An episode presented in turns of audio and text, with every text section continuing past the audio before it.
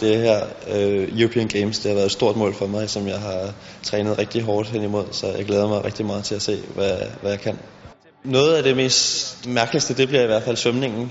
Altså, det er jo halvanden kilometer svømning, men øhm, i morgen bliver det nok noget med, at vi kommer til at svømme måske kun 1000 meter, og så lave noget, der ligner delfinhop og løbe i vandet 500 meter, fordi vandet er så lavt. Er det lavere, end det plejer at være?